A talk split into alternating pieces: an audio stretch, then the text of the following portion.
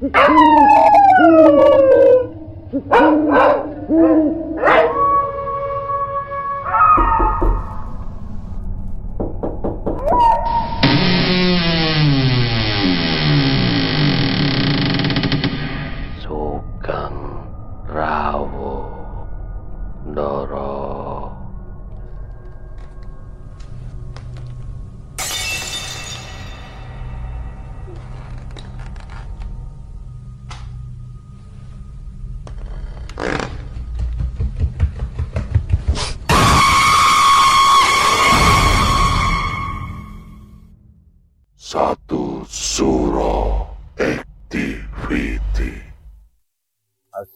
Assalamualaikum warahmatullahi wabarakatuh. Selamat malam, Rahayu, Rahayu, Rahayu. Para pendengar satu surah activity. Saya, Panembahan Dokter Mistik. Gedung perkantoran, gedung sekolah, rumah sakit terkadang menjadi tempat yang cukup sering ditinggali oleh makhluk bangsa jin. Terkadang jin-jin tersebut menunjukkan eksistensinya dengan keusilan. Bisa jadi merasuk ke dalam tubuh manusia yang ia sukai atau yang ingin diusili. Sehingga menjadi kesurupan. Seperti halnya kisah mistis kesurupan cerita dari Hendro. Selamat mendengarkan. Ini bukan pengalaman saya sih, tapi saya berhadapan dengan mereka yang kesurupan. Pertama, anak magang di kantor dulu. Yang kedua, justru istri saya sendiri. Kejadian pertama itu saat di kantor, tiba-tiba heboh. Ada anak magang yang kesurupan katanya. Bukan satu orang, tapi ada tiga, empat orang gitu deh. Jadi pada berkumpul dan saya diminta untuk menolong. Wah, seumur-umur belum pernah saya menangani orang kesurupan. Ada banyak orang berusaha untuk membantu, tapi gak ada reaksi. Akhirnya kerumunan mulai sepi dan tinggallah beberapa orang saja. Saya disuruh membantu, padahal saya nggak bisa jawab saya. Tapi mereka yakin lo kan sering punya pengalaman mistis. Apa hubungannya pikir aneh? Akhirnya tinggal saya dan ada ibu-ibu dharma wanita yang dianggap mampu menangani. Dan ada dari pegawai yang pemuka agama lainnya. Saat itu yang saya tahu ya pegang pergelangan tangannya sambil berusaha terhubung ke cahaya ilahi. Yang lain juga pada heboh dengan metodenya masing-masing. Pergelangan tangan anak magang yang saya pegang mulai dia merasa kepanasan. Panas, panas, katanya. Lepasin, lepasin. Lalu saya ajak bicara. Kamu dari mana? Dari Aceh jawabnya. Kenapa kamu masuk ke tubuh anak ini? Saya kesepian soalnya butuh teman. Bohong, saya jawab. Kenapa kamu bisa ada di sini? Saya nggak tahu saya harus ke mana. Akhirnya saya lihat dia. Saya suka dia. Kenapa kamu nggak kembali ke asalmu? Saya nggak tahu harus ke mana. Saya bingung. Kembali ke Tuhanmu. Kembali ke Tuhanmu. Saya jawab. Saya nggak tahu siapa Tuhan saya. Saya nggak pernah nyembah Tuhan. Saya dulu nggak religius. Agama saya BXXS. Kami nggak diajarkan menyembah Tuhan. Tuhan itu nggak ada. Sedari kecil juga saya nggak pernah diajari orang tua saya menyembah Tuhan. Lalu saya bingung sendiri. Tak berapa lama anak tersebut mulai siuman setelah menjelang sore. Keesokan harinya datanglah temannya kemarin ibu mau bantu, tapi nggak mempan. Katanya mereka itu sebenarnya berpura-pura stres karena nilai magang mereka terancam jelek. Entah benar apa tidak sih, tapi kesurupan mereka nggak ya terlalu horor gitu karena saya masih bisa santai menanyai salah satu dari mereka. Yang kedua, di mana saya juga bingung, kaget dan gak percaya. Ceritanya, istri saya masuk rawat inap di rumah sakit. Karena sakitnya yang secara medis agak aneh sebenarnya. Sudah hampir lima bulan beliau sakit yang gak jelas. Diawali dengan sakit lambung, mual muntah, gak bisa makan, sampai badannya kurus kering. Tapi diperiksa lambungnya bagus, gak ada masalah. Meski gejala mirip orang sakit lambung, setelah beberapa kali dengan kasus gejala lambung, tiba-tiba muncul gejala aneh lagi, mirip orang kena serang stroke. Bicara cadel, nggak nyambung, nggak fokus, sempat ngeblank, nggak bisa atau susah jalan. Fisik drop, masuk rumah sakit lagi dengan gejala stroke. Setelah mulai pemulihan dan fisioterapi, tiba-tiba seperti orang lumpuh layu, gak bisa jalan lagi. Mulai dari awal tapi kali ini lebih parah. Meracau nggak jelas, mata kosong dan ngeblank. Akhirnya masuk rumah sakit lagi.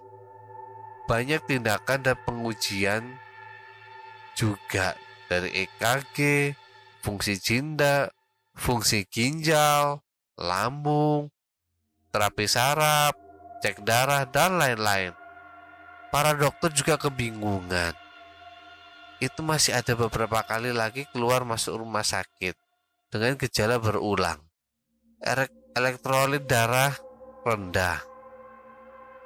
Elektrolit darah rendah, kalsium tinggi. Di tahap terakhir muncul memar membiru dari kecil lama-lama meluas. Rasanya gatal, perih, nyeri karena mungkin nggak tahu efeknya beberapa cairan dan oleh olesan diberikan. Berdampak makin parah dan kemungkinan infeksi. Lama-lama setelah beberapa minggu, memarnya mulai ada yang membusuk, koreng tapi basah, berair, dan berwarna kehitaman. Lama-lama muncul nanah di bagian tepinya. Saya nggak akan banyak cerita karena itu juga ada unsur non medisnya. Nanti nanti akan saya ceritakan di pertanyaan terkait. Nah, saat terakhir kali masuk rumah sakit ini, istri kesakitan sekali. Nyeri dari boroknya tadi, diduga vasikuler ada radang di pembuluh darah. Sampai halu bisa melihat lagi. Ada beberapa kejadian tiba-tiba istri bisa melihat secara gaib Padahal aslinya nggak bisa. Katanya katanya ada benang emas yang melilingi dia. Ada sosok rambut panjang celana kain di depan benang emas itu. Tapi nggak bisa masuk. Malam tadi katanya yang benang emasnya nggak ada lagi. Hanya sedikit ada kristal hijau yang muncul bersinar katanya. Baru kemudian dikasih pereda nyerinya lagi sama dokternya. Agak susah diberi pereda nyerinya karena kata dokternya bisa berakibat ke lambung. Malam itu serangan nyerinya luar biasa sampai badannya lemas, pucat, dingin. Kurang lebih jam satu malam atau pagi hingga setengah tiga. Saya kaget dan bingung saat matanya ngeblank kosong menatap mata saya lama. Bahkan bola matanya berputar-putar. Tapi anehnya bola matanya sempat memipih panjang bukan bulat seperti biasanya mata manusia. Saya suruh istighfar, istighfar. Kadang saya tutup matanya biar segera sadar. Lalu beliau sadar lagi. Ada beberapa kali dia seperti berwasiat kalau aku nggak ada, jaga anak-anak. Jangan tinggalkan mereka. Fisiknya makin lemah karena tadi malam itu serangan nyerinya makin intens. Saya yang bingung, saya baca apa yang saya ingat. Bahkan saya bingung harus baca apa. Saya baca ayat kursi, saya putarin surat rukiah, dia ngenyek. Apaan nih panjang-panjang?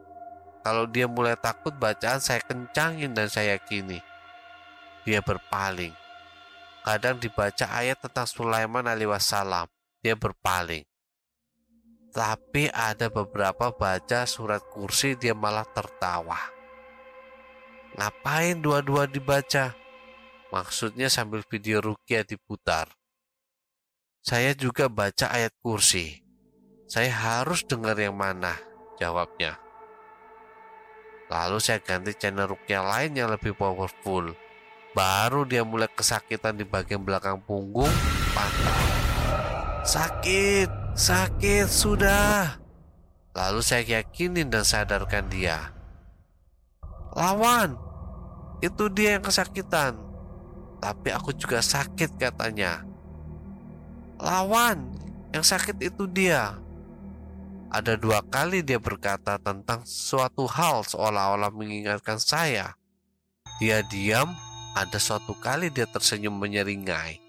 Tak semudah itu. Lalu tertawa. Sampai saya putarin terus channel Rukia tadi. Lama-lama dia diam tenang. Mulai melawan. Pergi kamu, kata istri. Ada momen dia menangis, memanggil-manggil armahum ayahnya, tantenya, kakaknya, emang sepertinya ada beberapa aktivitas gaib juga di luar kamar rumah sakit itu. Kadang ada yang ngetuk-ngetuk jendela. Sepertinya memang banyak juga makhluknya. Mereka mengganggu karena wadah kebatinan istri sudah agak mereka mengganggu karena wadah kebatinan istri sudah agak terbuka karena ada kejadian mistis sebelumnya. Saya ingatkan untuk terus berzikir dan berdoa Kondisinya, kondisi beliau yang lagi lemah ditambah wadah kebatinnya mulai terbuka. Jadilah ia diganggu makhluk gaib di rumah sakit tersebut. Atau mereka cuma mau atau mereka cuma mau bicara sesuatu. Inilah pengalaman kaget saya menghadapi orang terdekat sendiri yang kerasukan. Di awalnya tentu kaget, apalagi ditatap lama dengan tatapan mata seperti bukan dia para pendengar sahabat satu suro activity.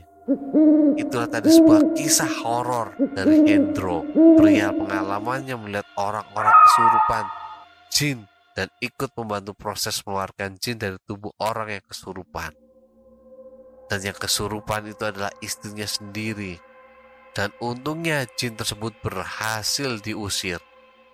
Saran saya, berhati-hati terhadap orang yang mudah pekat terhadap sesuatu yang mistis biasanya mudah kesurupan jika dalam keadaan melamun, pikiran kosong, linglung.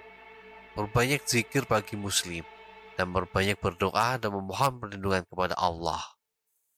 Para sahabat satu surau activity, tinggalkan catatan doa kalian di kolom komentar, like, subscribe, dan bunyikan lonceng keramatnya. Para sahabat satu surau activity, tetaplah iling lan waspodo. Assalamualaikum warahmatullahi wabarakatuh. Salam, salam, salam.